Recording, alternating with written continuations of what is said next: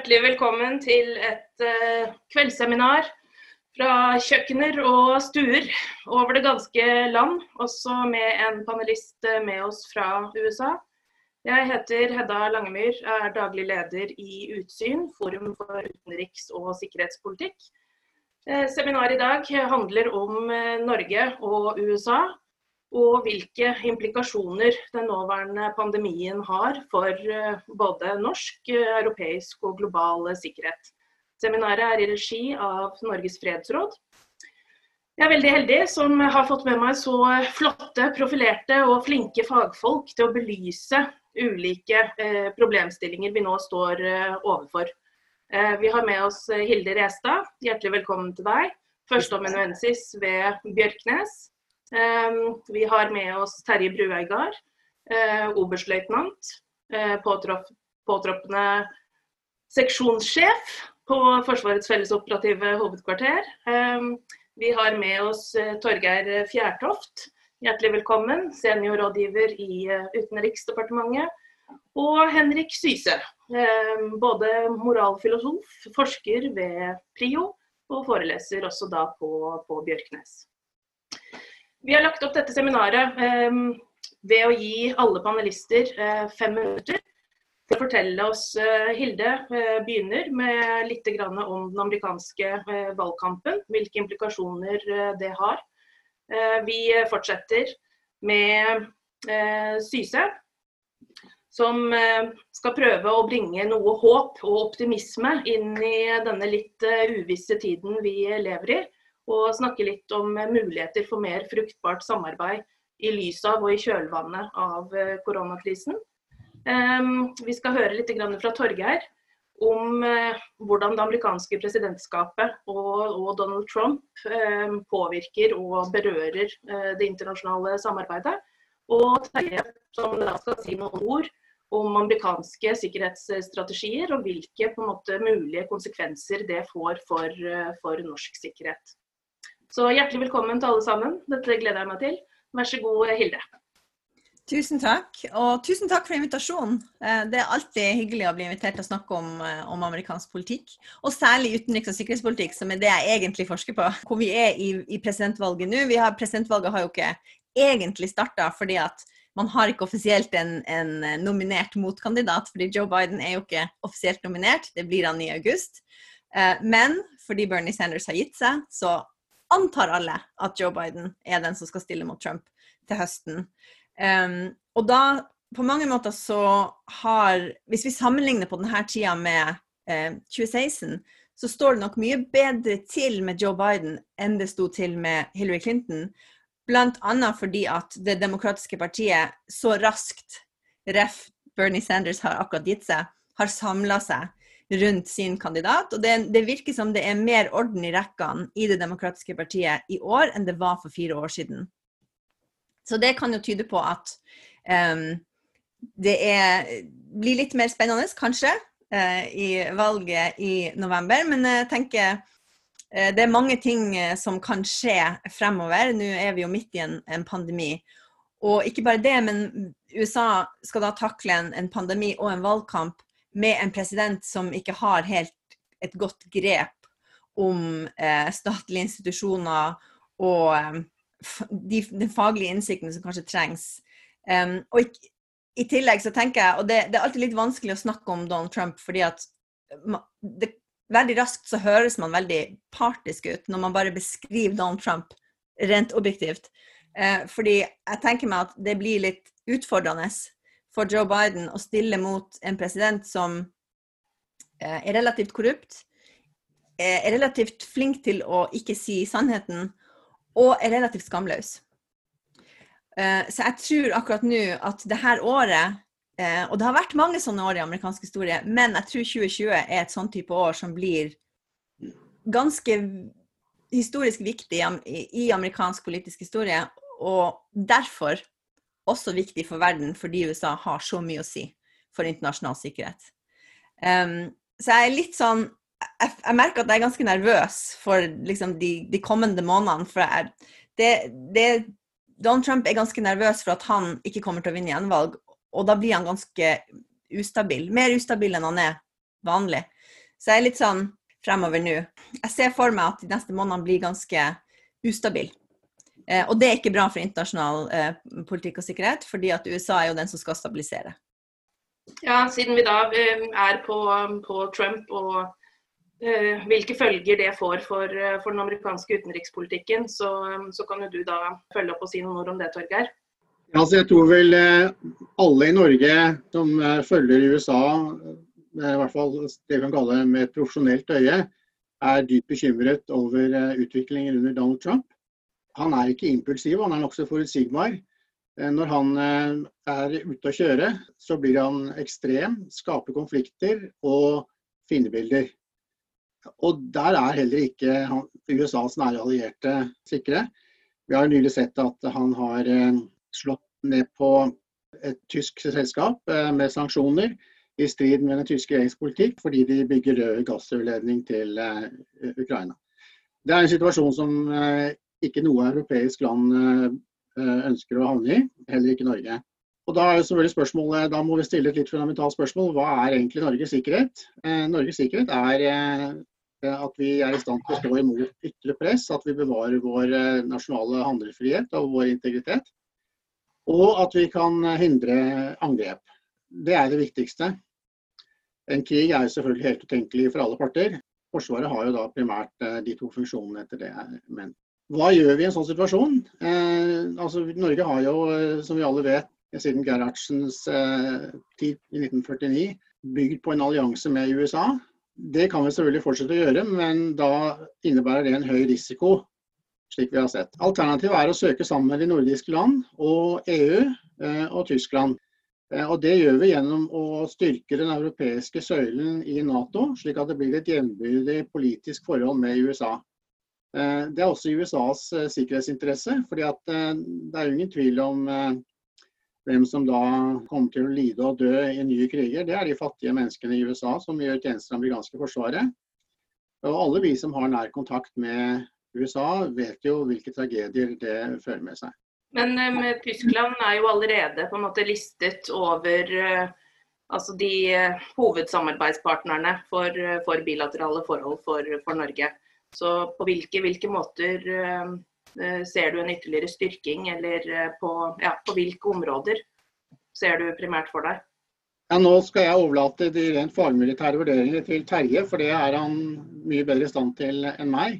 Jeg vurderer de politiske forholdene.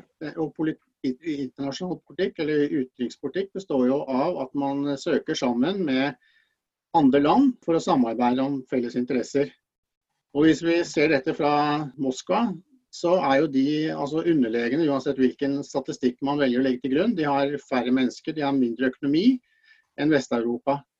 Eh, og det er jo ikke i Russlands interesse at de da plutselig får et våpenkappløp i Europa, hvor russiske raketter da står overfor eh, europeiske raketter. og eh, militære styrker står overfor hverandre langs grensene med et høyt beredskapsnivå. Det er ikke i Russlands sikkerhetsinteresse. Det er ingen tvil om at Russland øh, ved det de mener er å forsvare seg mot ytterpress, som jeg tror det er, forverrer sin egen sikkerhetssituasjon. Og Det er helt klart at det også er i russisk interesse at Russlands grenser i Europa blir som i Kirkenes, øh, og ikke som i Ukraina. Jeg øh, har jo kanskje et sånt Mine grå hår viser jo at jeg kanskje er den eldre herren blant deltakerne. Så jeg husker jo faktisk til og med Cuba-krisen 1962, da vi som tiåringer sto i skolegården og var redde for atomkrig.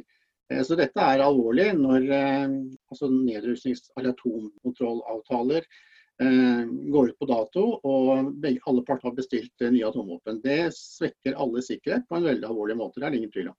Og uh, Tyskland uh, ledet jo en politisk prosess i Europa fra begynnelsen av 60-tallet fram til konferansen for sikkerhet og samarbeid i Europa i 1975, som skapte en felles sikkerhetsorden i Europa, med selvfølgelig begrensninger og svakheter. Det er dit vi må tilbake.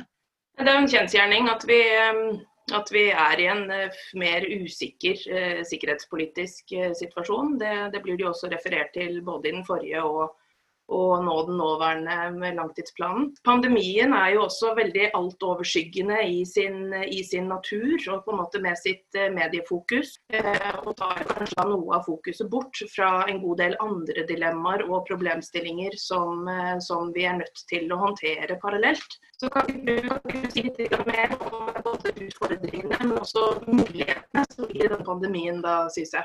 Tusen takk. Eh, du har rett i at denne pandemien er ganske altoverskyggende. Vi har fått et eh, seminar i Philadelphia nå å konsentrere oss om i noen dager, så vi kanskje nesten glemmer hvor stort dette er. Men eh, det kommer vi fort til å bli minnet om igjen, selv om utviklingen i Norge er relativt udramatisk sammenlignet med mange andre land. Før jeg sier noe mer, tusen takk til Hilde og Torgeir for spennende innspill. Jeg gleder meg til å høre Terje. Og tusen takk til Norges fredsråd. Alltid fint å samarbeide med dere. Og takk til deg, Hedda, for ledningen. Eh, jeg eh, ser at denne krisen gir oss noen muligheter. Jeg kom eh, rett fra å ha sett litt av et webinar som var på Washington Post med John Kasich og John Kerry. To tidligere presidentkandidater. Den ene nominert for Demokratene som offisiell presidentkandidat i 2004. Den andre en av dem som prøvde til siste slutt å stoppe Trump i 2016. Og begge diskuterte hvorvidt dette er en tid som skaper muligheter hva angår klima er det ting som skjer på den internasjonale agendaen nå som gjør at vi kan løfte opp andre problemstillinger. Og Jeg synes det er veldig riktig å stille spørsmålet, men jeg er i tvil om svaret er ja. Jeg tror imidlertid på ett punkt, og det har også med sikkerhet å gjøre, så kommer vi til å oppnå noe. I hvert fall er sannsynligheten stor for det.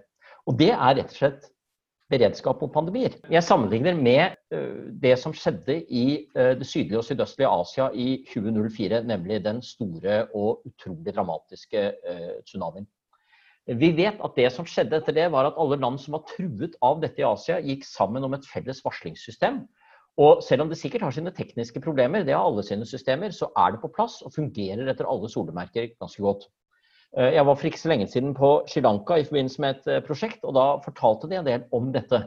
Eh, og for å si det i veldig enkle ordelag, uten at jeg vet nøyaktig hvilke minutter det er snakk om, så sa de at det tar noen få minutter fra det har vært et jordskjelv utenfor kysten av Indonesia, for å ta et eksempel, til man vet det på alle varslingsstasjoner på Sri Lanka. Med andre ord, man har klart å lage det systemet som gjør at hvis en slik tsunami kommer igjen, så vil antagelig dødstallene bli en fjerdedel, en femtedel, kanskje enda mindre av det som skjedde i 2004. In other words, it is possible. Men det er fordi det var så konkret. Det var så konkret. Og det kan vi håpe. At eh, man kan se et internasjonalt samarbeid i kjølvannet av dette, som ikke minst går på et internasjonalt varslingssystem for epidemier. Og da betyr det at når det kommer et nytt influensavirus eller koronavirus, så har man faktisk en forpliktelse på seg til, og man har drillet inn på forskjellige måter hvordan dette skal gjøres, til å varsle dette. Og om det dukker opp i Wuhan eller på Koppang, så skal det likevel være slik at ved hovedkontoret til WHO så vet man det fem minutter etterpå. Så må man se hvor dramatisk det er, og kanskje trenger man ikke gjøre noe mer med det. Sånn er det jo med tsunamivarslene, og man kan noen ganger være redd for at det blir gutten som ropte ulv, og til slutt sier ja, men nå har det vært fem tsunamivarsler, og det skjedde jo ikke noe. Jo, litt som brannalarmene på skolen eh, da vi gikk på barneskolen, hvor det var veldig mange brannalarmer som ble utløst, og man til slutt lurte på om det var noe i det hele tatt. Men allikevel er det et fremskritt. Eh, punkt to i det jeg skulle si, som henger sammen med det jeg sa til innledning. Og det er jo frykten for at eh, andre kriser vi står overfor, blir glemt eller ikke høyt prioritert. En mann som jeg har enorm respekt for, og som jeg mener er en av verdens store filantroper, Bill Gates, han hadde en eh, plakat her om dagen som var lagt ut, hvor det var en atomsky. Hvor han sa Jeg husker ikke nøyaktig ordlyden, men det var omtrent slik This is no longer what threatens us. Med andre ord, det er nå pandemier, og vi må eh, konsentrere oss om hvordan vi forbedrer helseberedskapen. Jeg er sikker på at Bill Gates' poeng var ikke å si at det ikke er fare for atomkrig lenger. Men det er en fare for at det er et budskap som fester seg. Og Hvis jeg da får lov til å ta et helt konkret eksempel, så skulle vi i år hatt en av de viktigste konferansene som tenkes kan, nemlig NPT-konferansen, altså Non-Proliferation Treaty-konferansen, som skal være hvert femte år, og som i år skulle være ved hovedkontoret til FN i New York. Og Den er allerede utsatt til april 2021. De er nok ikke like flinke som Norges fredsråd på Zoom, og bestemte seg for at dette må rett og slett bare utsettes. Dette kan vi ikke ha nå. Og selvsagt, det er bare et møte, kan man si. Og det er bare en utsettelse. Men det sier noe om at en konferanse som nå kunne vært særlig viktig, og det handler jo om det Torgeir nettopp sa, den får man ikke. Og ikke minst et forum der man møtes på tvers av det som veldig ofte er skillelinjer. Eh, jeg jobber litt på Prio for tiden med utvikling av et prosjekt som handler om eh, samtalene om atomvåpen i vår verden. Og det er en påfallende silobasert samtale, med hvilket jeg mener at de forskjellige siloene ikke snakker med hverandre. Disarmament-folkene snakker ikke med arms control-folkene, som ikke snakker med deterrence-folkene. Dette er, Man kan formulere det som tre eller fire eller fem siloer, som i realiteten er i veldig lite dialog med hverandre. Hvis man ser bare på uh, de som er aller mest opptatt av nedrustning, så kan man ta organisasjoner som Global Zero og ICAN og se at heller ikke de egentlig er i en type dialog. I hvert fall ikke så mye som jeg mener de kunne være. Og det er et problem som jeg tror forsterkes av den nåværende krisen. Og det har litt med oppmerksomhet å gjøre, og det med faren for at nei, dette er ikke noe problem nå.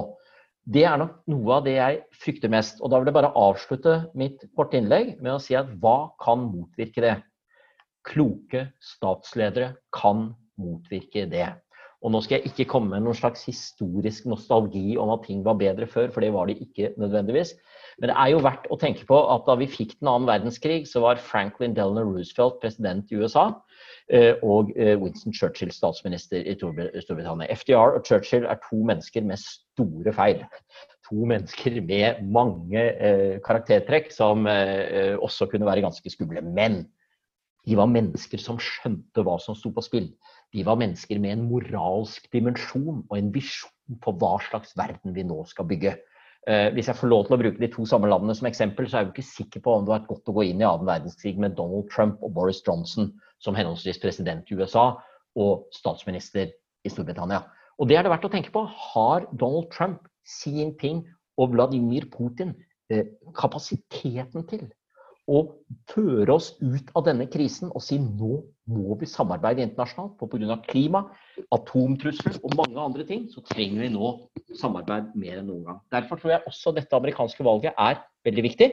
Eh, jeg skal ikke si at eh, Joe Biden er løsningen på alle ting. Og jeg eh, er jo litt redd for at han ikke har helt den kapasiteten mentalt nå til å være redningen. Men alt er bedre enn Trump. holdt jeg på å si. Det er ikke meningen å ta politiske standpunkter her. Jeg vet at trumpianere blir sinna når jeg sier sånt.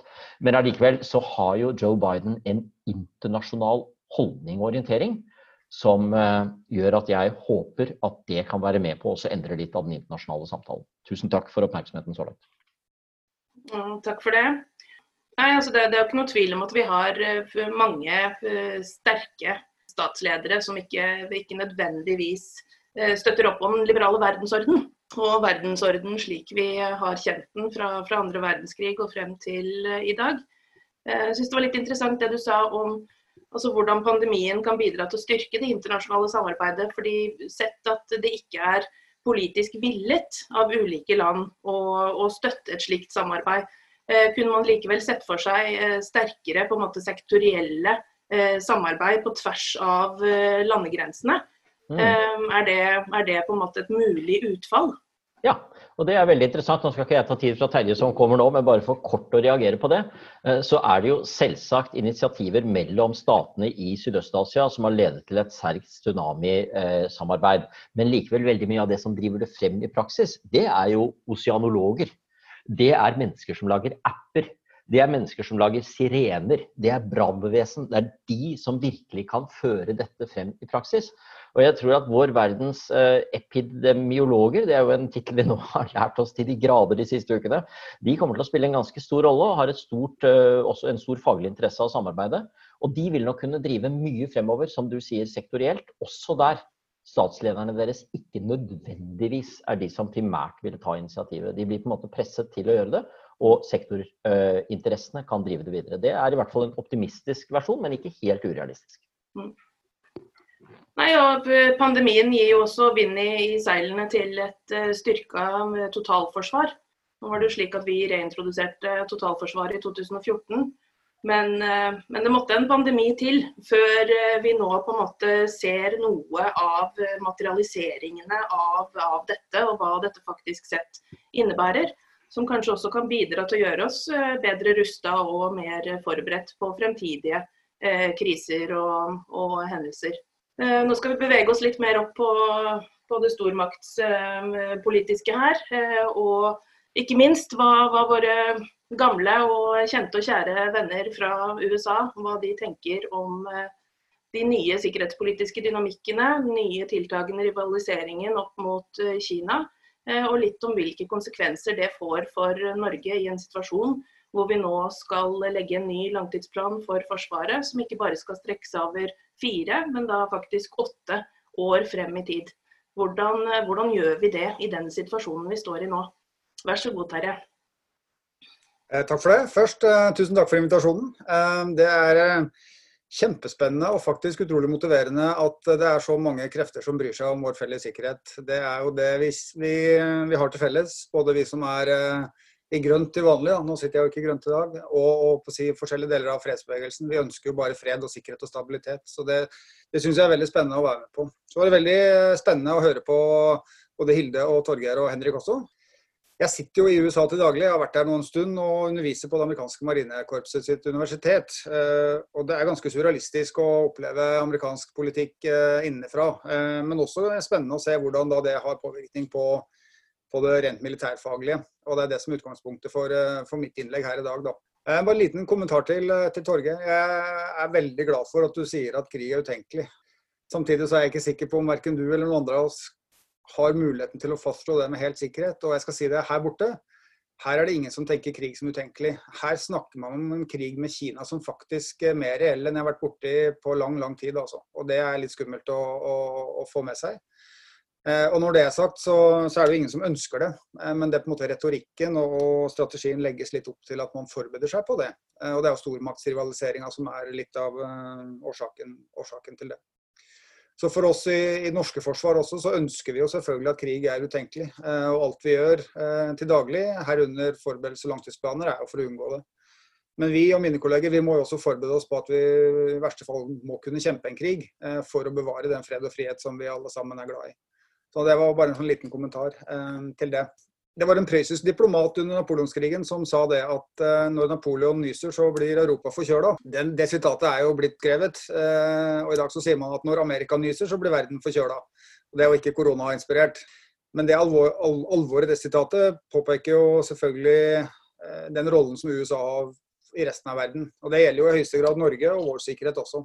Um, USA er Norges desidert viktigste allierte, og det er derfor det er viktig for oss å følge med på hva som skjer her borte. Nå er det ganske vanskelig å, å få, følge med på, for debatten internt her borte er utrolig rotete og utrolig globalisert. Og De fleste amerikanere er faktisk mer opptatt av hva som foregår her inne eh, i USA, enn i den globale verden. Eh, samtidig så har jo USA tunge, vedvarende globale interesser, også militære. Og hver bidige krok i verden, alle land og territorier, inngår i en eller annen amerikansk firestjerners generals ansvarsområde med de da rettigheter det han har til å drive sikkerhetssamarbeid og, og for så vidt et viss grad av militært diplomati overfor disse. Så hele verden er altså i, på det amerikanske kartet. For oss i Europa så er det jo sjefen for European Command, som er da den firestjerneren som har fått den myndigheten. Eh, han, han har noen få oppdrag som han har fått eh, fra administrasjonen. Det er støtte Nato, avskrekke Russland, bistå i forsvaret i Israel og legge til rette for globale operasjoner og bekjempe transnasjonale trusler. Det er det han gjør. Han har ca. 50 000-60 000 soldater i Europa. Men det er ingen av de soldatene her som Det er ikke noe størrelse, selv om det høres mye ut for et lite lilleputtland som oss, så er det en begrensa militær styrke. Men det European Command har, som for så vidt alle andre deler av verden har, er at de har en kommandostruktur som er klar til å få overført større styrker i, i behov for, for forsterkning. Da. Sånn at han har et kommandoapparat som gjør at dersom eh, Kongressen og eller presidenten velger det, så kan de sende større styrker, og så kan man lede operasjoner både amerikanske og Nato og for så vidt multinasjonale andre settinger. Eh, så det er, ligger til, til grunn. Både Yucom og de andre eh, geografiske sjefene, eh, og for så vidt hele det militære, de, styres jo her eh, av en rekke strategiske dokumenter. Og I motsetning til oss så starter dette på toppen med en nasjonal sikkerhetsstrategi. Ifølge lov så skal presidenten gi ut det 150 dager etter at den er valgt. og den har en rippling effekt nedover i hierarkiet. Trump endra ganske kraftig på sikkerhetsstrategien i forhold til Obama der Obama fokuserte på klimakrise som en trussel, så er det helt borte hos Trump. Obama var opptatt av å beskytte og fremme demokrati og menneskerettigheter. Det er ikke noe fokus hos Trump. Men kanskje det viktigste skillet likevel er der Obama ønska en rettsbasert verdensorden basert på samarbeid, så fokuserer Trump på konkurranse og nasjonale, altså amerikanske interesser. Eh, og spesielt den gryende stormaktskonkurransen, der Kina og Russland er blitt utpekt som hovedkonkurrenter på den globale arenaen, styrer utrolig mye av det som foregår da nede i den militære sfæren. Den nasjonale sikkerhetsstrategien påvirker videre altså for, forskjellige forsvars- og militærstrategier. Eh, herunder størrelse, investeringer, plassering av styrker, aktivitet, allianser, partnere og sikkerhetssamarbeid rundt omkring.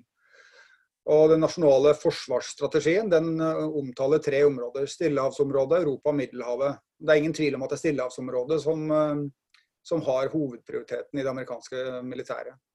I Europa så hevder amerikanerne at de har to store fordeler vis-à-vis -vis Russland. og Det er det nettverket av allierte og partnere som de har. Det er på en måte en av pilarene i, i den amerikanske eh, forsvarsstrategien. Og at de har evnen til å prosessere store styrker dit de vil, når de vil. Og eh, for så vidt Ifølge amerikanerne og andre så jobber Russland og Kina spesifikt med å svekke begge deler. De prøver å svekke alliansen, og de prøver å, å hindre den evnen som USA har til å, å forflytte store styrker over sjø eller, eller luft. Eh, og Det er en langsiktig strategi som de har. Hele Europa er jo avhengig av eh, eller Hvis vi skal få amerikansk forsterkning, så er vi jo avhengig av at de kommer inn eh, eh gjennom luftveien eller, eh, eller sjøveien. Og det er kanskje noen ganger litt lett for å tro at vi i Norge er spesielle, og at det er kun vi som planlegger med amerikansk forsterkning. Men jeg hadde en liten opptelling. Jeg har, en sånn liten leksjon her om multinasjonale operasjoner. og Der på amerikanske Department of State sin hjemmeside så er det altså registrert ca. 80 nasjoner hvor USA har forsvarssamarbeid. Og de aller fleste av disse forventer også amerikansk forsterkning i krise eller krig. Så vi er altså ikke alene om å stole på, på amerikanere. Så Når det gjelder utvikling, så fokuserer de veldig på konsepter eh, for å kontre nettopp da russisk og kinesisk eh, ja, utvikling av altså deres kapasiteter. Det som noen kaller for anti-access, anti-denial. Men rett og slett nektelseskapasiteter som langtrekkende missiler, den type ting. Det jobber amerikanerne veldig med å, å kontre. Og Det betyr at de igjen ut, ut, utarbeider altså konsepter rundt langs sine egne langtrekkende missiler, autonome kapasiteter, eh, kunstig intelligens, maskinlæring. Marinekorpset, som er jo kanskje vært det, det sikreste forsterkningsstyrken for Norge, endrer jo radikalt sitt operasjonskonsept nå. Eh, og nærmest går bort fra land, landdomenet og går tilbake igjen til sine maritime røtter. og legger opp til et konsept med små, lette styrker som skal støtte altså de maritime operasjonene innenfor da, den kinesiske og russiske eh, våpenrekkevidden. Mens det er eh, US Army som er slegga i verktøykassa, og som bringer brorparten av kampkraft der det er behov for eh, avgjørende operasjoner på bakken. Men å forflytte store US Army-divisjoner er ekstremt tidkrevende. Eh, og i hvert fall så er det problematisk hvis sjøveien og luftveien til Europa er, eh, er utfordra, enten gjennom eh, russiske eller kinesiske for den saks skyld, ubåter eller langtrekkende missiler som kan senke disse fartøyene. Da, da vil antageligvis ikke amerikansk forsterkning komme før det er håndtert. Når det er sagt, så har amerikanerne kapasiteter til å støtte både Norge og andre allierte med langtrekkende missiler, med luftressurser, med cyber, cyberspace, og andre typer ting, men ikke med substansielle styrker. Eh, når det gjelder presidentvalget, så vil nok ikke det endre så mye på den operative innretninga, altså den militærtekniske utviklinga, men heller på politiske prioriteter med tanke på trening, rotasjon, eh, samarbeid, eh, Nato ikke minst. Og Derfor er også mitt for så vidt avsluttende hovedpoeng da, det er at Norge er betydelig mer avhengig av USA enn USA er av Norge. Og Derfor så er det ikke uvesentlig hvem som er president og hva slags strategiske styringer som den her gir. Og mens vi da venter på å forberede oss på neste krise, så bør jo vi i den norske, si, vår lille del av verden, ta inn over oss da de strategiske utviklingstrekkene og sørge for at vi kan gjøre det vi selv må gjøre innenfor de kapasitetene vi har. Dvs. Si utvikle Forsvaret i den strategiske konteksten. Samtidig som vi bør berolige Russland med at vi ikke har noen si, onde hensikter på vegne av noen andre. Eh, og at vi fortsetter å styrke alliert samarbeid også med andre bilaterale, både innenfor Nato og andre bilaterale nasjoner. Det var vel for så vidt eh, kort oppsummert. Eh. Ja, det er jo et lite tankekors at forrige langtidsplan for Forsvaret ble vedtatt dagen før Trump kom til makten. Eh, så her, her, er det jo snakk om å forsøksvis sette ting i, i sammenheng. Men, men, vi opplever jo stadig vekk også at, at, enkelte ting blir noe frikoblet fra liksom, de politiske realiteter og, og konsekvensene av dette. Så, så, hvordan sikrer vi oss mot at det nå skjer i dette arbeidet med denne langtidsplanen? Hvis vi pusher på og skal ha den da vedtatt og behandla på Stortinget i løpet av våren, og verden med ett ser veldig veldig annerledes ut om bare fire, fem, seks, syv, åtte måneder, hvordan, eh, hvordan legge opp en slik prosess for å ikke kvalitetssikre, men for, eh, for å sikre en litt mer langsiktig relevans? Eh, har dere noen tanker eller refleksjoner rundt det? Jeg vil gjerne få lov å, å kommentere litt på det, og, og, på det de andre har sagt. fordi at Um, nettopp det her med hvilken verden er det vi står fra, for, foran nå, eller overfor nå, uh, særlig med etter valget i november. ikke sant? Fordi at En av grunnene til at det er et skjebnevalg, er fordi at i motsetning til de aller fleste tidligere amerikanske presidentvalg, så snakker vi her om to veldig forskjellige visjoner av amerikansk lederskap i verden. Overfor ikke bare fiender, men også allierte som Norge. Og Henrik nevnte uh, verdenskrig og Roosevelt. Og så er det liksom, det er klisjé å gå tilbake til andre verdenskrig, og, og, alt var svart og hvitt, og det var enkelt å vite hvem som var de gode, og hvem som var de snille. Men det går en veldig interessant serie på HBO akkurat nå som heter The Plot Against America.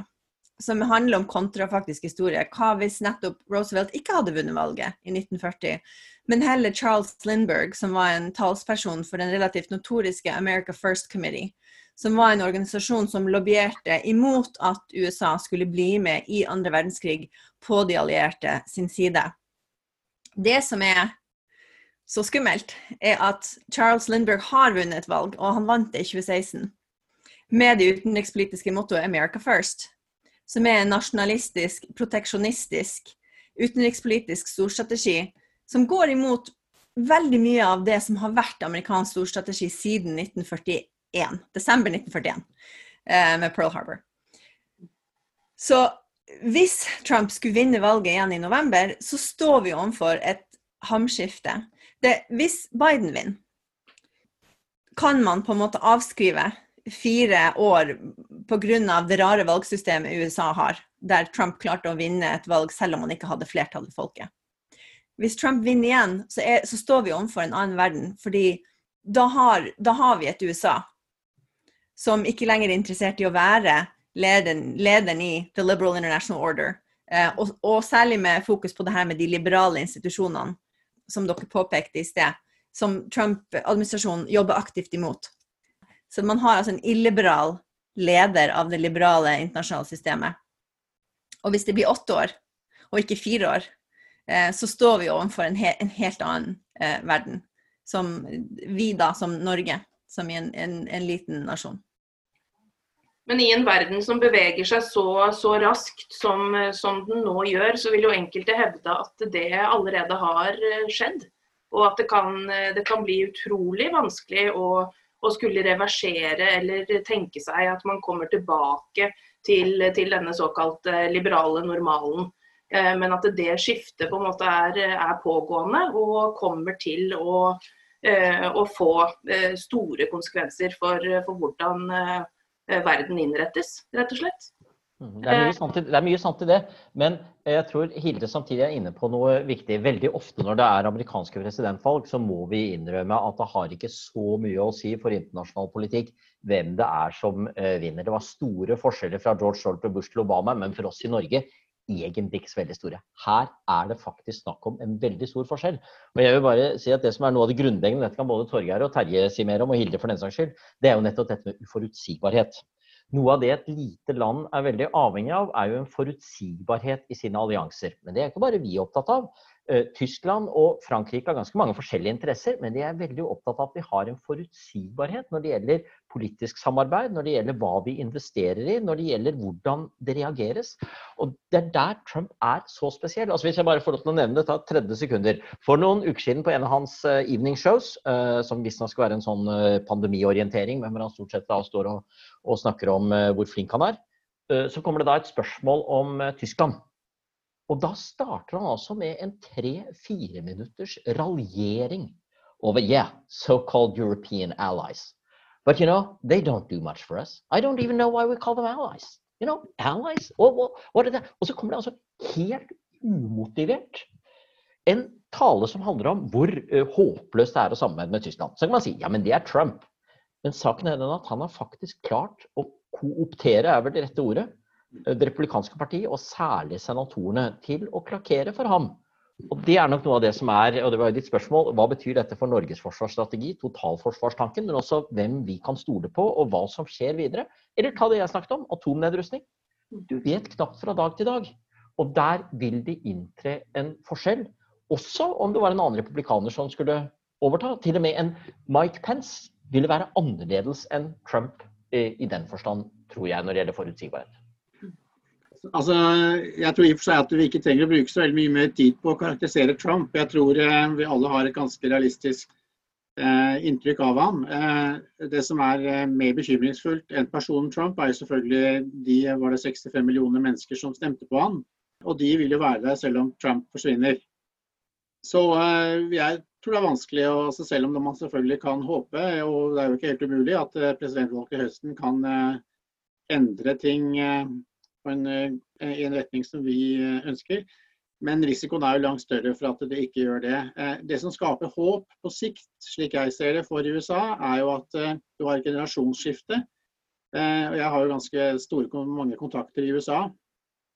Eh, hvor du ofte ser i samme familie at den eldre generasjonen har dette synet som vi nå har beskrevet ganske som Hilde har beskrevet ganske godt. Mens de yngre da mer ønsker å leve sånn som vi gjør her i, i Skandinavia. De er altså sosialdemokrater mer eller mindre eh, av vår støtning. Så du har denne polariseringen. Og, og i og med at det er de yngre som da omfavner vår samfunnsmodell, så mener jeg det er håp på sikt. Så Vi må for all del holde kontakten med USA på alle plan eh, som vi kan. Og til Terje vil jeg jo si at det er kjempeviktig at våre eh, militære holder nær kontakt og god dialog med sine amerikanske fagmilitære kolleger. Det er jo kjempeviktig. Og så må vi bare være forberedt på å gjøre det beste ut av det. Og dessverre så har vi kommet til et veiskille i etterkrigstiden, eh, tror jeg. Og er, Norge er nødt til å orientere seg i retning av eh, de nordiske land og EU med Tyskland, slik jeg skisserte. Når det gjelder altså hva som er eh, krigsfare, så er det klart at det er jo to sånne scenarioer som da ofte skisseres. Det ene er denne langsiktige strategien, hvor du har da en sånn umerkelig endring i, i styrkeforhold. Eh, den ideen har jo selvfølgelig også russerne og kineserne og iranerne. De tenker liksom at verden da gradvis endrer seg, og da gjerne i deres favør. Og Det er en farlig tankegang som vi ønsker å, å motvirke. Men eh, historisk sett da, så er den største krigsfaren eh, en politisk eh, krise.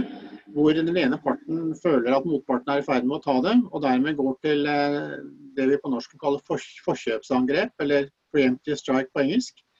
Og Hvis man ser på historien eh, under den kalde krigen, så var det jo der eh, krigsfaren oppsto. Jeg hadde altså i oktober et gjesteforskeropphold i Berlin hvor jeg hadde samtaler med jevnaldrende Eh, diplomater og, offiserer fra DDR-tiden som kunne fortelle at deres forestilling var jo det at hvis de mente at vår side, da, og selvfølgelig deres fortelling var den aggressive og farlige, var i ferd med å angripe dem, så skulle de angripe først. Og så skulle de da føre krigen på vårt territorium. Og det, jeg, det har jeg for så vidt visst. Men det som overrasket meg, var at det internt i i Warszawapakten var faktisk eh, uenighet om dette, og at det var altså fagmilitære og forskerrøster som eh, reiste seg mot denne tankegangen. Og mente da selvfølgelig helt riktig at eh, en militær seier i en slik situasjon, selv uten atomvåpen, er jo meningsløs. Altså, hva, hva var det som ville være igjen av Hva var det som ville stå igjen på slagmarken etter en sånn gjensidig ødeleggelse? Så de mente at eh, det eneste realistiske var å endre den forsvarsstrategien og søke da en felles forståelse og en felles sikkerhet med motparten, som da i dette tilfellet var oss. Og jeg tror at eh, den situasjonen, altså faren for forkjøpsangrep i en politisk krise, er det som er den største krigsfaren. Det at noen tror at historien eh, utvikler seg i deres favør, det kan de jo gjerne gjøre. Det er jo opp til oss å bestemme om vi lar oss påvirke eller ikke. Men jeg vil da avslutte med å sitere to stykker. Det ene er eh, Robert McNamara, som da sa etter Cuba-krisen at eh, med atomvåpen så finnes det ingen krisehåndtering. Den eneste realistiske måten å forebygge atomkrig på, og det sa han altså etter erfaringen fra Cuba-krisen, er å hindre at det kommer til en sånn politisk krise. Med andre ord hindre kriser. Og så vil jeg sitere Clausewitz, som jo er en kjent prøyssisk eh, krigshistoriker. Han er jo da kjent for strutsagn om at politisk makt vokser ut av geværløpet. Men han sa noe som kanskje var enda viktigere med tanke på den diskusjonen vi nå fører. Han sa at det er ingen plan som overlever krigens første slag. Med andre ord, krig er uforutsigbar. Det eneste vi vet sikkert, er at det vil være en eh, total katastrofe for alle parter. Eh, det betyr selvfølgelig ikke at ikke, må, at ikke våre fagmilitære eksperter vil forberede seg selv på en sånn utenkelig situasjon. og Det er vi jo alle interessert i at de gjør. Men det aller viktigste er som sagt å hindre at slike politiske kriser oppstår, hvor du får et eh, scenario hvor den ene parten kan gå til forkjøpsangrep. Hadde du noen kommentarer til det, Terje? Eller? Det var litt, uh, Nå har vi gått forbi innledende spørsmålet ditt, men jeg, jeg syns det er en interessant observasjon i det vi kan kanskje eh, trekke noe lærdom av det internasjonale reaksjonen på koronakrisa. og ha har på en måte nasjonalstaten sin renessanse, og kanskje skutt noen hull i baugen for eh, globaliseringen. Eh, og det kan jeg sier det kan, det behøver ikke, men det kan også trekke noen paralleller til hvordan vi f.eks. da så for oss at vi skulle kjøpe desinfeksjonssprit fra Polen. Eh, men Polen trengte dette selv. Også hvordan vi da ser for oss å få alliert forsterkning. Men nasjoner som ikke har altså overskuddskapasitet, finner ut at det trenger man selv. Og det kanskje er kanskje det skumleste lærdommen, hvis man kan trekke den lærdommen. Det var en kommentar til det. Ja, det går jo litt tilbake til diskusjonen også rundt dette med globalt lederskap. Altså Enkelte vil jo hevde at det, det også er et form for overskuddsfenomen. Altså Det er noe man eh, gjør selvfølgelig fordi man har vilje til det, men også fordi at man på sett og vis har råd til det. Eller ikke råd til å, til å la være. Det er jo interessant å se nå på både de økonomiske konsekvensene, men også en del av de splittelsene som oppstår i, i lys av pandemien. For ikke å snakke om fremveksten av en del autoritære regimer som nå på en måte misbruker og utnytter eh, pandemien for, eh, for strengere eh, styresett. Hvordan ser, eh, hvordan ser, verden ut om, eh, om, et år? Har vi fått dette på, på avstand? har det endret eh, verden eh, dramatisk. Eh, vil ting noensinne bli som før? Syse? Det som er så spesielt nå, er at vi vet ikke, og det kan man alltid si. Til enhver tid i historien kan man si det, og Clausewitz-sitatet minner jo om at det er særlig sant i kriser, men veldig få strategier overlever neste politiske møte også. Så uh, Det gjelder alltid, men det gjelder spesielt nå. og Det er rett og slett fordi det er veldig mye vi ikke vet om hvordan pandemien beveger seg. Vi vet ikke hvordan den kommer til å slå ut i Afrika og store deler av Asia utenom Kina f.eks. Så det er et, en del av svaret på spørsmålet. Men det er fortsatt en del ting vi vet om uforutsigbarheten. Og en annen ting som vi lett glemmer, og jeg skal være veldig kort på det punktet, men jeg snakket litt i sted om kriser og utfordringer som vi lett glemmer. Moderne kommunikasjonsteknologi har jo vært med på å endre hele det politiske landskapet. Og ikke minst vet vi at det er mange som ønsker å undergrave f.eks. vestlig samarbeid, som bruker forskjellige former for informasjonsteknologi for å lage kampanjer som setter land opp mot hverandre. De ønsker å uh, oppmuntre mer ekstreme krefter, og dette vet vi en del om. Det er jo interessant denne senatsrapporten som kom i går. og Nå vet jeg at nå er det sikkert noen som hører på dette som er begeistret for Trump også, så jeg mener ikke å bruke en sånn der retorikk mot ham, men den sa jo veldig tydelig fra denne senatskomiteen med republikansk ledelse at det er ingen tvil om at det var en organisert informasjonskampanje i USA for å få valgt Donald Trump til president. Hvorfor? Jo, fordi mye tyder på at man mente at dette var en måte å destabilisere vestlig samarbeid på. Vi vet hvordan f.eks. Jean-Marie Le Pen i, eh, Marie Le Pen i, i, Frankrike har fått samme type støtte. Og det vet vi hvis spørsmålet ditt er hvor er vi om et år? Jo, vi vet at det er en del krefter som kan tenkes å prøve å utnytte den situasjonen vi er i nå som altså er en krisesituasjon. Mange land som kommer til å være økonomisk helt på hælene. Mange mennesker som har mistet jobben. Mange som er sinte. I en del land kommer man til å lete etter syndebukker. Vi vet hvordan det kan slå ut overfor minoriteter f.eks. Og da kan det med at man har informasjonskampanjer som ønsker å undergrave rettsstat og internasjonalt samarbeid, være en ganske alvorlig utfordring. Og det tror jeg er noe av det vi skal være mest på utkikk mot, for eller overfor, i året som kommer. Hvis jeg får lov å hoppe inn, så, så tenker jeg at eh, ofte når man får det spørsmålet Jeg får ofte det spørsmålet liksom er, er det her, Har det noen gang vært så ille i amerikansk politikk som nå? Eh, har USA noen gang vært så splitta som nå? Eh, og det er klart at ting har vært mye verre før i USA. Mye, mye verre før. Eh, det har egentlig aldri gått bra i USA, men så går det liksom bra til slutt likevel. Men det som er nytt nå, siden andre verdenskrig, er at trusselen kommer fra Det hvite hus. Og det, det, har man på en måte ikke opplevd før. Eh, den illiberale, autoritære, splitt og hersk, eh, demonisere minoriteter, eh, prøve å, å, å, jobbe imot eh, den, den, liberale internasjonale orden. Alt det her kommer fra Det hvite hus, og det er nytt. Og, og, det tenker jeg det er det bare rasjonelt, særlig for små allierte land som Norge, å være veldig bekymra over. Jeg tenker jo, jeg er helt enig med tidligere taler at det er uh, veldig vanskelig å spå spesielt framtiden. Men vi, det er også noen ting vi vet. Vi vet at vi kommer til å være ca. mellom 5,3 og 5,4 millioner nordmenn uh, bosatt i en liten utpost av Europa, omkransa av hav. Uh, og at vi har Russland som nabo. og at Eh, det vil pågå en, eh, sannsynligvis en, en stormaktsrivalisering eh, som vi befinner oss i midten av. Det tror jeg vi vet. Også er jo det, det vi ikke vet, er jo politikken og mennesket, menneskets rare krumspring. Men det geopolitiske, eller i hvert fall det geografiske, det vet vi. Det kan være greit å ha noen sånne konstanter i, når man skal, skal peke ut en kurs også.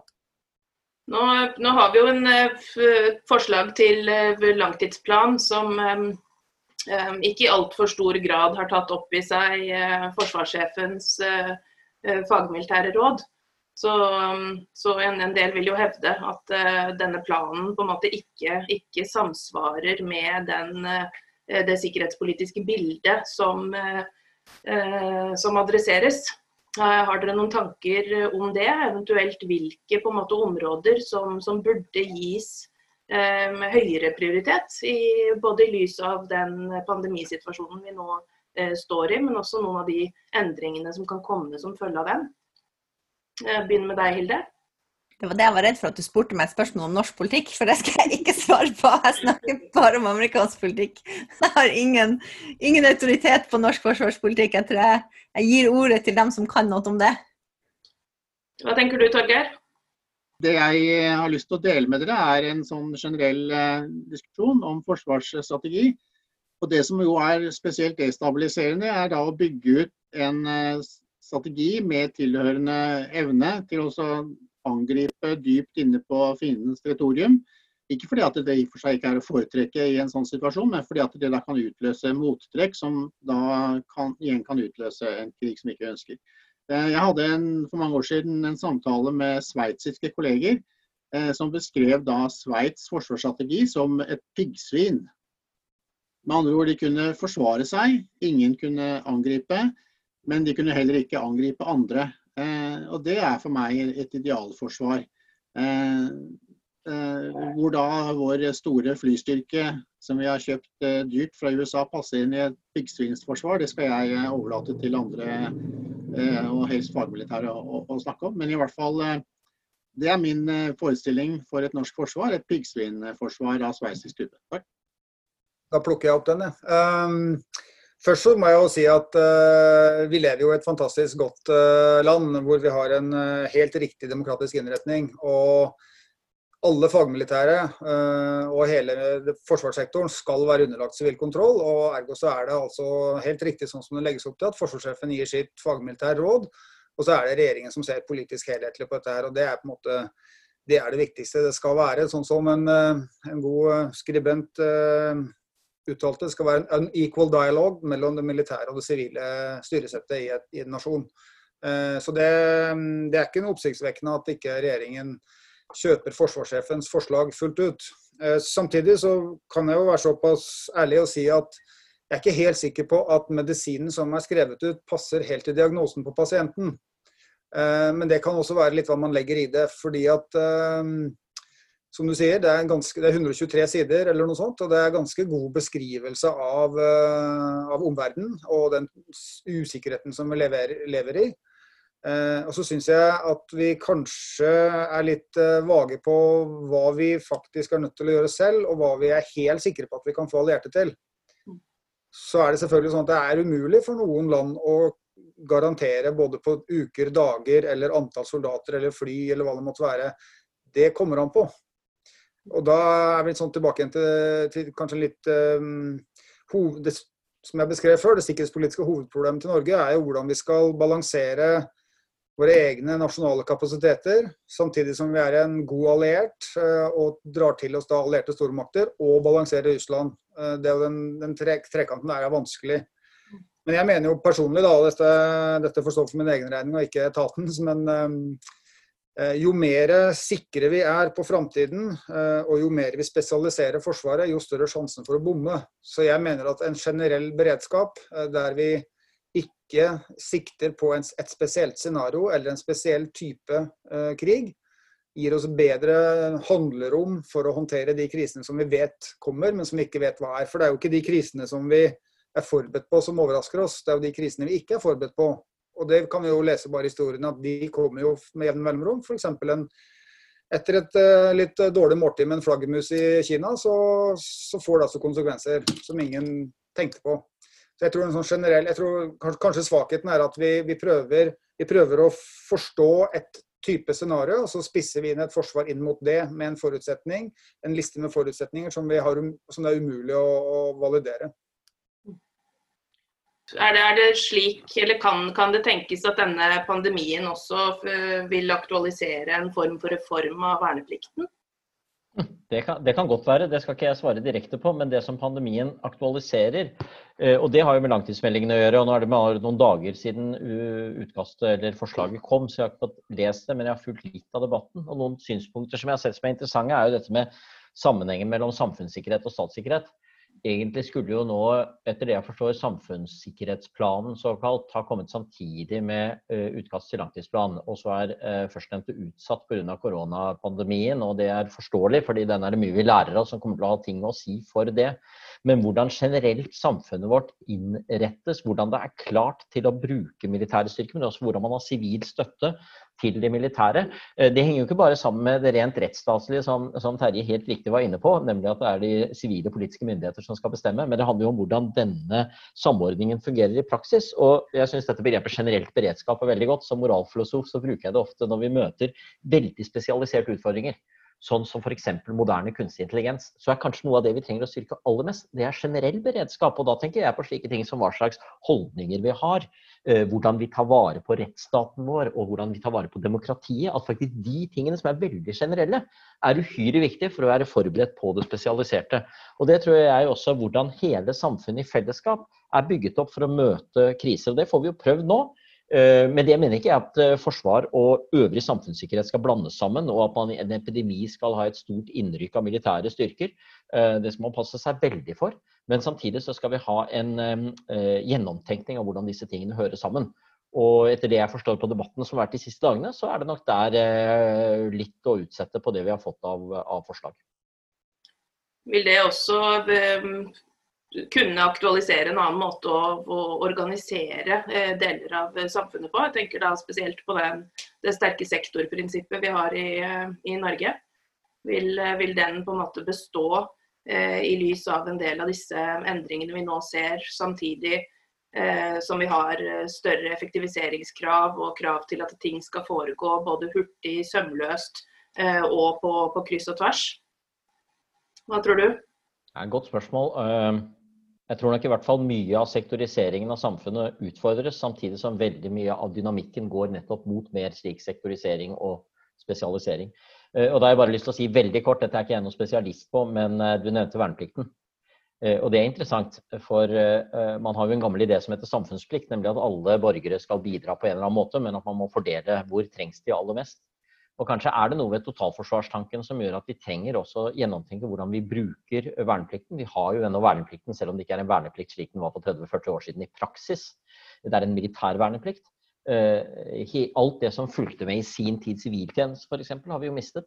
Eh, det kan jo være at eh, utviklingen i verden går i retning av at det er tanker vi må gjenopplive. Men det overlater jeg til andre å kommentere som kan mer om selve vernepliktsordningen. Andre kommentarer til det? Mm. Knytte noen kommentarer først til uh, altså, jeg tror uh, Personlig så syns jeg jo at sektorprinsippet Jeg forstår jo hvorfor vi har sektorprinsippet. Det fungerer jo veldig godt når, alt, uh, når det er sol ute og, og, på en måte alt fungerer greit. Men det er jo når krisen blir litt større enn det den enkelte sektoren kan håndtere, at det blir utfordringer.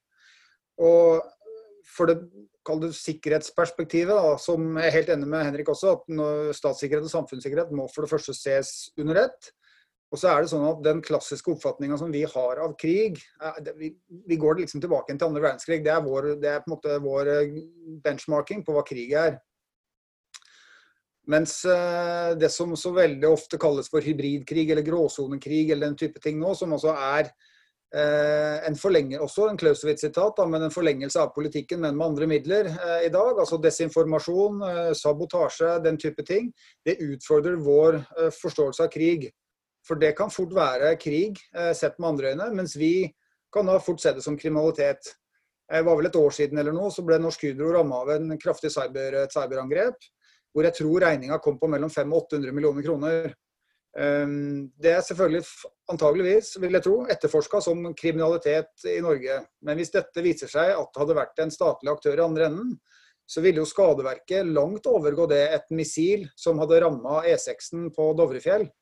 Ehm, sånn det, det, utfordrer vår forståelse av randsonen på politikk og starten, altså det, det som går mellom krig og, og, politikk. Og Her går jo teknologien såpass uh, fort at det ikke nødvendigvis alltid er reflektert i, i, hvem som har ansvar for hva. Vi snakker jo mye om cyberforsvaret, forsvaret av uh, Forsvarets egne eh, IKT-strukturer. Men dette med altså, sivil, sivilforsvaret, eller cyberforsvaret for sivilbefolkningen, er jo også på en måte noe å, som er verdt å adressere i en tid med ikke bare veldig mye falsk eh, informasjon, men også såkalte deepfakes og andre typer virkemidler som, eh, som, tas i bruk for å, for å øke splittelser og i verste konsekvens eh, ødelegge demokratiet. Eh, og her er det jo eh, da veldig nødvendig å samle eh, krefter på tvers. Nettopp for å tette noen av de skottene, fordi de er det ganske mange av. Vi har fått noen spørsmål fra den digitale salen, som jeg tenker å bare liste opp til dere her. Første runde med spørsmål. Ikke bare ser vi et USA nå som trekker seg fra avtaler som Iran-avtalen, men man kan vel si at få land per nå virker lite interessert i å være initiativtagere til bilaterale nedrustningsavtaler. Står og faller ulike prosesser på initiativ fra USA? Er det en som spør. Noen som føler seg kallet til å svare på det? Jeg svarer på det. Ja. At, eh, det, det, spørsmålet det har en forutsetning. Nemlig at eh, vi må, altså, ting er enten slik eller slik. Um, og jeg vil advare mot et syn på, på verdensutviklingen hvor uh, vi forsøker å finne den beste krystallkulen og, og, forstå hvordan ting egentlig er. Jeg tror det er bedre at vi ser på uh, ut av framtida som åpen og prøver å finne de beste verktøyene for å håndtere utviklingen. Og det er klart at Med den posisjonen Norge har hatt i, som en sånn pådriver for internasjonalt samarbeid, så mener jeg at vi har et særlig ansvar for å ta initiativ på alle viktige områder eh, overfor land. de har gjort tidligere, det har jeg vært med på selv. Eh, og der kan vi eh, gjøre en jobb som lite land. Vi kan ikke tvinge noen, vi kan ikke true noen. Men nettopp derfor kan vi kanskje også da bedre overtale noen. Så det er mitt svar på det. Nei, det er ikke nødvendig å vente på at USA skal ta slike initiativ. Eh, det kan vi gjøre selv. Og så kan vi da selvfølgelig være forberedt på at det er et krevende farvann vi beveger oss inn i. Men, ikke, men der har vi altså tidligere erfaring eh, hvor vi har eh, da gjort en stor innsats. Vil muligheten for det forsterkes eller svekkes av en plass i Sikkerhetsrådet, tror du? Ja, Der skal jeg kanskje som ansatt i UD være litt forsiktig. Nå har jeg riktignok en nokså uavhengig stilling som forsker. da. Eh, men jeg er sterkt imot at Norge søker plass i Sikkerhetsrådet, av to grunner. Eh, fordi Norge da må involvere seg i konflikter som egentlig ikke berører oss. Vi har da samtidig liten innflytelse på hvordan eh, Sikkerhetsrådets stormakter behandler disse konfliktene. I tillegg til det, så alle som har hatt med FN å gjøre, som jeg har gjort, vet at den som da overtar ansvaret som en form for formann eller leder av forhandlinger, som jo en plass i Sikkerhetsrådet innebærer for et lite land, begrenser sin mulighet til å hevde sitt eget syn. Eh, blir lett fanget av andre lands eh, syn. Eh, og i Norges tilfelle så ender vi også ofte opp da med en stor regning som vi skal dekke over vårt bistandsbudsjett. Så jeg er imot at Norge søker plass i Sikkerhetsrådet. Jeg er sannsynligvis den eneste ansatte i UD som mener det, men det mener jeg altså. Men ja, hvordan vil det da se ut hvis eh, Norge stemmer mot eh, USA i eh, Sikkerhetsrådet, tatt vårt veldig nære forhold til dem militært? Ja, altså jeg mener det er et typisk eksempel på at vi da setter oss i en situasjon som vi burde unngått. Mm.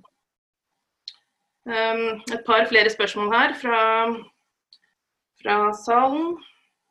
Um, det blir nok til Hilde. I hvor stor grad kan Kongressen påvirke amerikansk utenriks- og forsvarspolitikk? Um, kan man si at dagens president eh, pluss Joe Biden er overgangspolitikere til en ny generasjon av amerikanske politikere, som kanskje kan komme i 2024 eller 2028, som kan gi USA et nytt image utad? Mm. Ok, Første spørsmål er jo institusjonelt. Egentlig har Senatet masse makt i eh, utenriks- og sikkerhetspolitikk, eh, og Kongressen også, som ifølge Grunnloven skal erklære, erklære krig. Men sånn har det ikke gått etter andre verdenskrig, og utviklinga har vært i retning av at det utøvende makt som med særlig da militærbyråkrati og etterretningsbyråkratiet som virkelig ta, har tatt kontroll på utenriks- og sikkerhetspolitikk. Sånn, at, sånn det fungerer nå, så er det sånn at eh, utenriks- og sikkerhetspolitikken ledes fra Det hvite hus og at presidenten har veldig mye makt over eh, retninga det tar. Selv om det jo sitter gjerne veldig mange ekstremt erfarne senatorer i Armed Services Committee, Intelligence Committee, Foreign Affairs Committee, som kan veldig mye. Det andre spørsmålet var om generasjon. Det, det føles litt merkelig at man skulle hoppe fra 70-åringer til liksom neste generasjon. Eh, det, jeg tror Generation X føler seg litt oversett. De har blitt hoppa over. Um, men um, antageligvis så, så, vil jeg tro at vi nå ser den siste runden med denne generasjonen som stiller eh, som presidentkandidater. Og det var jo også Det var utrolig Det er merkelig. Det er en merkelig opplevelse at du har hatt så mange yngre, mangfoldige, inspirerende, interessante spennende presidentkandidater som vi så nå i, 20, i 2020 i Det demokratiske partiet. Og så ender man opp med en 78 år gammel hvit mann. Det i seg sjøl er jo ikke så veldig inspirerende. Um, men det, det kommer en, en, ny generasjon oppover i rekkene nå. Og apropos det Torgeir sa, så, vi, så, er det riktig at det er ganske store generasjonsforskjeller i politisk filosofi og politiske holdninger. Og man har, man har også sett, eh, for det, man, det, er jo jevnlige spørreundersøkelser om hvordan amerikanere ser på USA sin rolle i verden. Og der har man jo sett at den yngre generasjonen har vært kanskje mer skeptisk til at USA skal fortsette å være en sånn typisk hegemon, da, for å bruke det uttrykket. Eh, når det er så mye eh, man, nødt, man, burde gjøre hjem, på hjemmebane. ikke sant? Nation building at home, not abroad. Eh, men så ser man også at når nå Trump har vært president og vært så kritisk til USA sin rolle i verden, så har, eh, den, eh, så har det blitt litt mer populært igjen blant yngre velgere. Fordi de ikke ønsker å være for det Trump er for, fordi yngre velgere gjerne ikke stemmer på Trump. Så her er det også eh, Generasjoner og meninger er litt i flyt. Men jo, altså, jeg håper jo at Biden og, og Trump er siste runde med 70-åringene på noen år. Mm. Vi har jo snakket litt om eh, altså, hvordan eh, pandemien kan utnyttes av, av, autoritære krefter. Eh, men hvis man snur om på det, kan, kan, man også kanskje si at en viss form for renasjonalisering i Europa kan demme litt opp for noe av den høyrepopulismen vi ser i dag? Ja, Da sitter vi igjen, da kommer vi igjen til det spørsmålet da, om vi skal liksom prøve å finne den beste krystallkulen for å se inn i fremtiden som jeg tror verken er mulig eller ønskelig. Altså, det er jo grunnen til at så mange i Europa, velger Europa bryter bevisst med den eh, skal si, historiske sosialdemokratiske tradisjonen, er jo veldig sammensatte. Eh, og Det tror jeg rett og slett er eh, et altså problemer vi må løse innenrikspolitisk i hvert enkelt land. Jeg syns vi har gjort en ganske god jobb i Norge, og ønsker da våre, nord, altså våre svenske naboer lykke til, for å si det sånn. Men det er jo en veldig problematisk utvikling.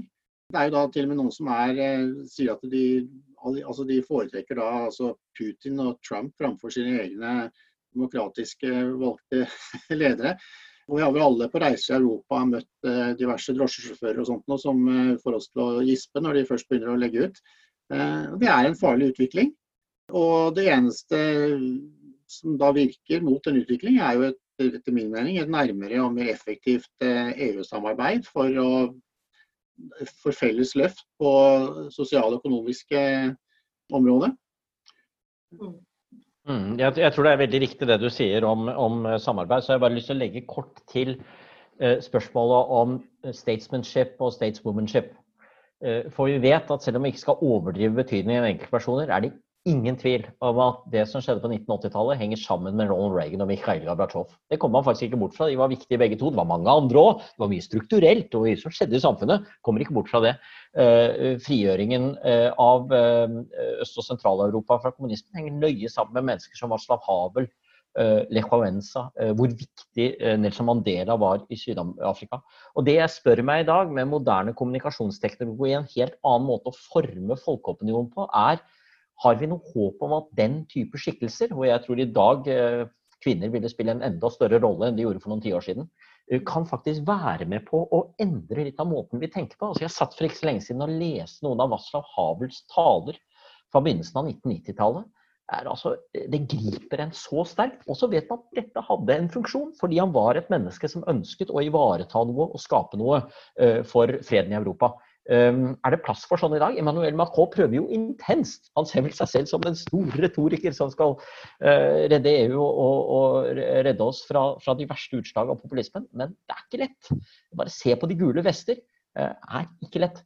Uh, så der er jeg dessverre litt pessimistisk. men da blir det som Torgeir nettopp sa, samarbeidet desto viktigere. Mm. Nei, Kanskje avslutte da med, med en liten uh, runde på akkurat det. Vi har bare noen få minutter igjen til disposisjon her.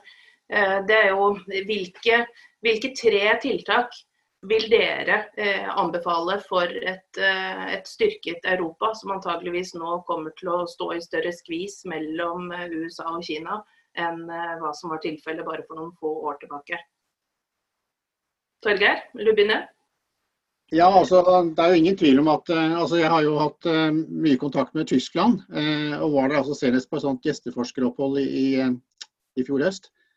Og uh, den ideen som Egon Bahr og Willy Brandt utviklet på 60-70-tallet om felles sikkerhet og en felles europeisk sikkerhetsorden på tvers av alle politiske problemer og i full erkjennelse av de begrensninger en sånn sikkerhetsordning vil innebære, den ideen er viktig å gjenopplive.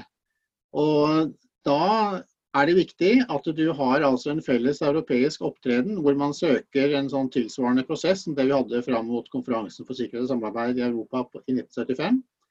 Eh, og Noe av det siste Egon Bahr sa før han døde, var at hatt samtaler med flere av hans nære medarbeidere eh, i forbindelse med et prosjekt jeg holder på med, var det at eh, Hvis det er noe han så tilbake på og angret i sitt liv, så var det at han ikke hadde lykkes han i å få til et, et samarbeid med Russland om en felles europeisk sikkerhet. Vi kan godt ha meninger om Russland, og det har vi alle sammen. Men Russland er der og vil uh, følge sitt eget hode, og ikke slik vi ønsker, med mindre vi kan uh, trekke dem inn i en sånn felles samarbeid. Og det er det vi må gjøre. Og Norge er jo en viktig posisjon um, til å ta et slikt initiativ overfor de nordiske land og overfor Tyskland. Det mener jeg er det aller viktigste vi kan gjøre nå. Og så blir veien til mens man går. Hvis man ser tilbake på historien, så tror jeg at det er veldig få brennende internasjonale konfliktspørsmål som blir løst. Men de går ut på dato etter hvert som utviklingen går videre. Og når land begynner å samarbeide, så glemmer man de spørsmålene. Terje? Ja, jeg fortsetter litt i samme trakten. Jeg tenker de tre viktigste sånn fra ryggmargen nå må være og som alle gjemmer seg inne i sine egne land, så må det være mer samarbeid. Eh, mer samarbeid på tvers av nasjoner. Eh, og innad så må vi ha mer samarbeid på tvers av sektorer. Og så tenker jeg til syvende og sist eh, noe som jeg etterlyser, selv om, selv om vi ikke verken ønsker eller har det samme på en måte byråkratisk masseproduksjonsapparatet som USA, så ønsker jeg meg en nasjonal sikkerhetsstrategi som, er, som betyr noe, som binder sektorer sammen, og som er forpliktende og som setter retning og fart framover. Mm. Blir dette for norsk politikk å regne, Hilde, eller kan du si noe om dette? Jeg tenkte faktisk at å snakke om europeisk politikk og å spå i framtida er liksom to av mine least favorite things. Men jeg har ett svar. Jeg har en, eh, ett forslag til hva som vil hjelpe på eh, framtidig europeisk sikkerhet, og det vil jo være regjeringsskifte i USA. Så jeg har ett svar. Den løste du smidig. Ja, ja. Um, og til deg, Henrik. Tiden er nesten uten, så jeg skal, ute, så jeg skal ikke ta tre ting. og Dessuten er det så klokt det som allerede er sagt. Men jeg avslutter som politisk filosof. Jeg. jeg tror vi trenger det som vi har hatt ved noen viktige anledninger tidligere i historien. Jeg vil si i kjølvannet av den annen verdenskrig, jeg vil si på deler av 1980-tallet. Og det er et møte mellom det moralpolitiske og det realpolitiske. Vi trenger fredsbevegelsen til å minne oss om hvilke store utfordringer vi står overfor. Hvor livsfarlige atomvåpen er. Og vi trenger de gode realpolitikerne som er drevet også av idealer, men som vet at dette her nytter ikke å gjøre uten eh, langsiktig, krevende forhandlinger. Eh, god, gammeldags realpolitikk. Eh, Egon Bahr var nevnt. Han var vel en mester i å kombinere disse to. Så jeg syns derfor det er så fint at nå er vi i et møte hvor det både var med en fra eh, fredsbevegelsen eh, Nei, altså fredsbevegelsen som arrangerer det, Norges fredsråd. Herlig. Kjempefint. Eh, og, og Forsvaret var representert. UD, forskere. Dette er også noe av min visjon for tiden fremover. De dagene jeg er optimistisk. Ja, men det, det syns jeg gjorde seg veldig godt som en avslutning på dette tverrsektorielle seminaret vi stelte i stand her. Hjertelig tusen takk for at jeg fikk eh, lede ordet. Tusen takk til eh, dere som hørte på i hjemmets ulike kriker og kroker. På gjensyn.